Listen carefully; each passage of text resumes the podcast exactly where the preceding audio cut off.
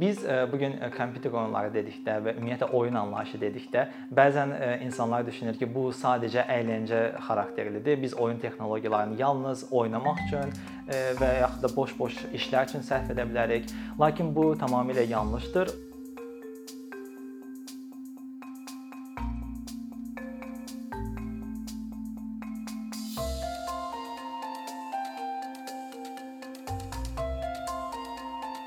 Biz e, oyunlardan danışdıqda hər zaman belə bir sual ortaya çıxır ki, görən insanlar niyə oynayır? Biz bəzən bu barədə düşündükdə ilk öncə ağlımıza gəlir ki, biz oyunları insanlar kəşf eləyib, bu yalnız insanlara məxsusdur.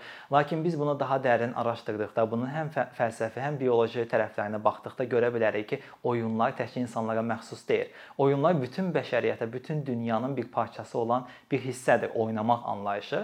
Bəs bunu biz ən sadə formada harada görə bilərik? Təbii ki, hər biriniz heyvan heyvanları, balaca pişikləri, itlərin oynadığını görə bilərsiniz. Bu onu göstərir ki, oynamaq bir bioloji bir istəkdir və bu təkcə insanlarda deyil, heyvanlarda da var. Hətta pişiklər oynamaqla yanaşı oyun belə qururlar. Məsələn, onlar pəncərələri ilə bir-birinə oynadıqda bir-birinə e, zərər yetirməməlidirlər. Bu onların artıq oyun prosesinə qoyduğu bir qaydalardır. Oyunlar bildiyimiz kimi qədim dövrlərdən e, artıq həyatımızın bir parçasıdır. O dövrlərdə müxtəlif at yarışları, müxtəlif fərqli oyunlar həyata keçirilirdi. Lakin e, bu gün müasir dövrdə artıq oyunlar bizim daha çox e, həyatımıza daxil olub. Bu da keçən əsrdə oyunların həm iqtisadi baxımdan, həm texnoloji baxımdan yeni bir mərhələyə qədəm qoyması, inkişaf etməsi oyunların daha geniş əhatəyə gəlib çatmasına səbəb oldu. Və bunların da əsas e, hissəsi mobil oyunlardır, video oyunlarıdır, yəni kompüter oyunlarıdır. Oyun sənayesi bu günləri hal-hazırda iqtisadi baxımdan ən çox maliyyə e, gətirən sahələrdən biridir. Biz başqa ölkələrə, daha çox qərb ölkələrində baxsaq görə bilərik ki, məsələn Kanadada onlar bizdə necə neft sahəsi Azərbaycanda gəlir bir mənbəyidir ki, onlarda da oyun sahəsi, bu sahələr e, kifayət qədər ölkə büdcəsinin maliyyəsini tənzimləyən bir e, sənayelərdən biridir. Lakin Azərbaycanda bu sahə kifayət qədər geri qalıb. Bu sahənin Azərbaycanda inkişaf etməsi bizim iqtisadiyyatımız üçün, eləcə də sosial mədəni gələcəyimiz üçün çox vacibdir. Bu sahənin inkişaf etməsi ilə Azərbaycanda yeni iş imkanlarının yaranması, yeni bir maliyyə e, mərkəzinin qurulması və digər e, aspektlər var ki, bunların inkişafına böyük bir töhfə verə bilər cəmiyyətimiz üçün. Biz e, bu gün kompüter oyunları dedikdə və ümumiyyətlə oyun anlayışı dedikdə bəzən insanlar düşünür ki, bu sadəcə əyləncə xarakterlidir. Biz oyun texnologiyalarını yalnız oynamaq üçün və yaxud da boş-boş işlər üçün sərf edə bilərik. Lakin bu tamamilə yanlışdır. Oyun sənayesi keçən əsrdə inkişaf eləyərək o qədər böyük bir həddə gəlib çatıb ki, bu sadəcə oyunlarla limitlənmir. Biz oyun texnologiyalarını oyundan kənar müxtəlif formalarda, müxtəlif məkanlarda istifadə edə bilərik. Bunlara misal nə gələ bilər? Məsələn, oyun texnologiyalarını film sənayesində istifadə etmək olar teatrda istifadə etmək olar, muzeydə istifadə etmək olar, məktəbdə, təhsil yerində bir çox oyunlar var ki, tarixi abidələr həmin oyunlarda maksimum dərəcədə real formada hazırlanır və biz oyunları oynayaraq bir növ həmin tarixə səfər eləyə bilərik. Ora fiziki gedə bilməsək də həmin abidənin üzərinə naxışları analiz eləyə bilərik, görə bilərik. Məsələn, mən bir çox özüm belə piramidaları və yaxud da ki, Fransada olan bir çox arxitekturanı oyunlarda görüb tarixini öyrənmişəm, araşdırmışam.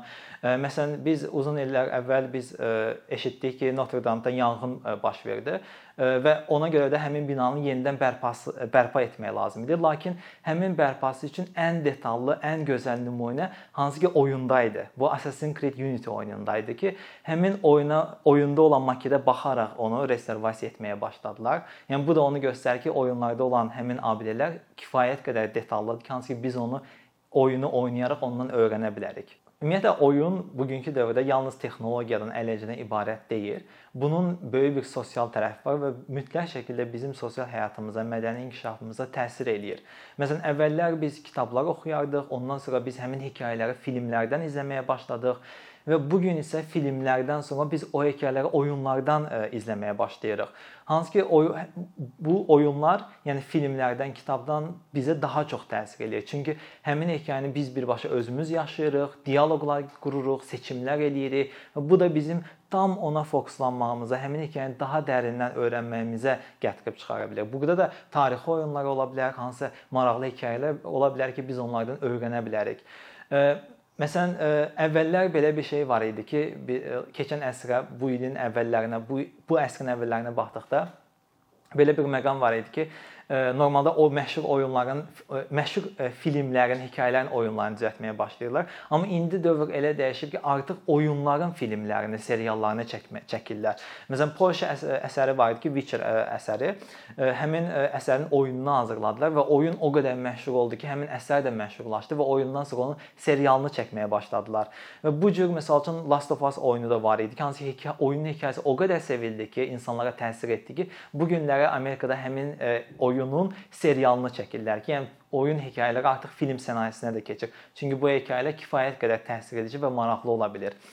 Bəs oyunların bizim digər sosial həyatımıza necə təsiri var? Ən böyük təsirlərindən biri multiplayer oyunlar bizim komanda bacarıqlarımızı inkişaf etdirməyimizə səbəb olur. Məsələn, necə bu ola bilər? Mən bir oyun oynayıram ki, hansı ki dostlarımızla biz oynayırıq və o bir gəmini idarə etməliyik və okeanlarda gəzib müxtəlif macəralar axtarırıq və bu gəminin idarə edilməsi yalnız bir şəxsin və bir düyməni basmaqdan ibarət deyil. Çünki gəmi böyükdür və gəmidə müxtəlif işlər var. Biri gəmini idarə etməlidir, biri yelkən yelkənləri açmalıdır. Bunlar mütləq şəkildə komanda işidir və biz burada bir-birimizlə dialoq qururuq, söhbət eləyirik əlaqə yaradırıq. Kim hansı işi görəcək, kim hansı işi necə görəcək və bu da bizim birlikdə işləmə bacarıqlarımızı, komanda bacarıqlarımızı inkişaf etdirməyimizə və eyni zamanda sosiallaşıb dostlaşmağımıza kömək olur. Oyunlar bizim biliyi əldə etmə, tənqidi düşüncəmizi inkişaf etdirmə, problem həll etmə qabiliyyətlərimizi də inkişaf etdirir.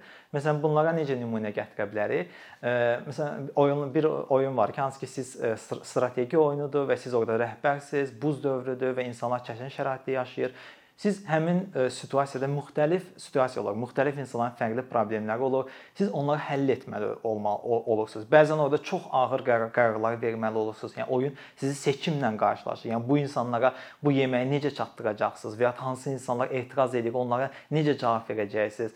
Bu həm sizin problem həll etmə bacarığınızı, eyni zamanda o insanlara empatiya qurmaq bacarığınızı, bir liderlik bacarıqlarınızı çox yaxşı şəkildə inkişaf etdirməyə və kəşf etməyə şərait yaradır. Bir növ bir bu bir simulyasiyadır ki, siz özünüz orada test eləyirsiniz, öyrənirsiniz. Təbii ki, oyunların da kifayət qədər mənfi təsirləri var, mənfi tərəfləri var.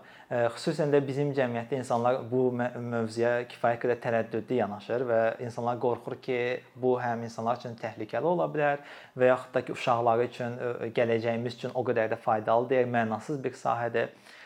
Mənfi tərəflərini qeyd etsək, elə bir oyunlar ola bilər ki, hansı ki, onların cəmiyyət üçün və yaxud uşaqlar üçün çox mənfi təsir edici bir ideologiya ola bilər, bir hekayə ola bilər və yaxud da ki, hansısa yaş həddi çatmayan bir vəhşilik oyunu ola bilər ki, orada böyük bir şiddət var və onu az yaşlı uşaqlar kontrol altında olmadan oynayırlar. Bunlar bu cür məqamları kifayət qədər tənzimləməliyik. Bütün sənayələrin, bütün sahələrin həm müsbət, həm mənfi tərəfləri var. Az öncə qeyd etdiyim məqamlar da, yəni oyun sahəsində çox mənfi təsirləri, mənfi məqamlar kimi qeyd eləyə bilərik bunları. Amma bu o demək deyil ki, biz bu sahədən qaçmalıyıq. Bu oyun texnologiyasının kifayət qədər müsbət və faydalı tərəfləri var. Bu həm ölkəmiz üçün iqtisadi baxımdan çox güclü bir maliyyə gəlir mənbəyi ola bilər. Çünki dünyada belə ən böyük bazarlarda, ən böyük sənayelərdən biri sənaye oyun texnologiya, oyun sənayesidir. Bəzən valideynlər, xüsusən də valideynlər çəkinirlər ki, uşaqlarının bu sahədə inkişaf edib, bu sahədə mütəxəssis olmasına biraz qərəzlidirlər. Lakin mən düşünürəm ki, biz cəmiyyət olaraq bu sahədən qorxmamalıyıq. Əksinə bu sahə artıq necə internet bizim biz həyatımızın bir parçasına çevrilib, bu sahədə oyun sənayesi də bizim artıq həyatımızın bir parçasıdır. Və biz bu sahədən geri qalmayaraq bu sahəni öyrənməliyik, bu sahədə inkişaf etməliyik və bunların fərqində olaraq daha yaxşı, daha keyfiyyətli oyunlar hazırlamalıyıq ki, həm cəmiyyətimiz, həm də gələcəyimiz üçün kifayət qədər faydalı olsun. Thank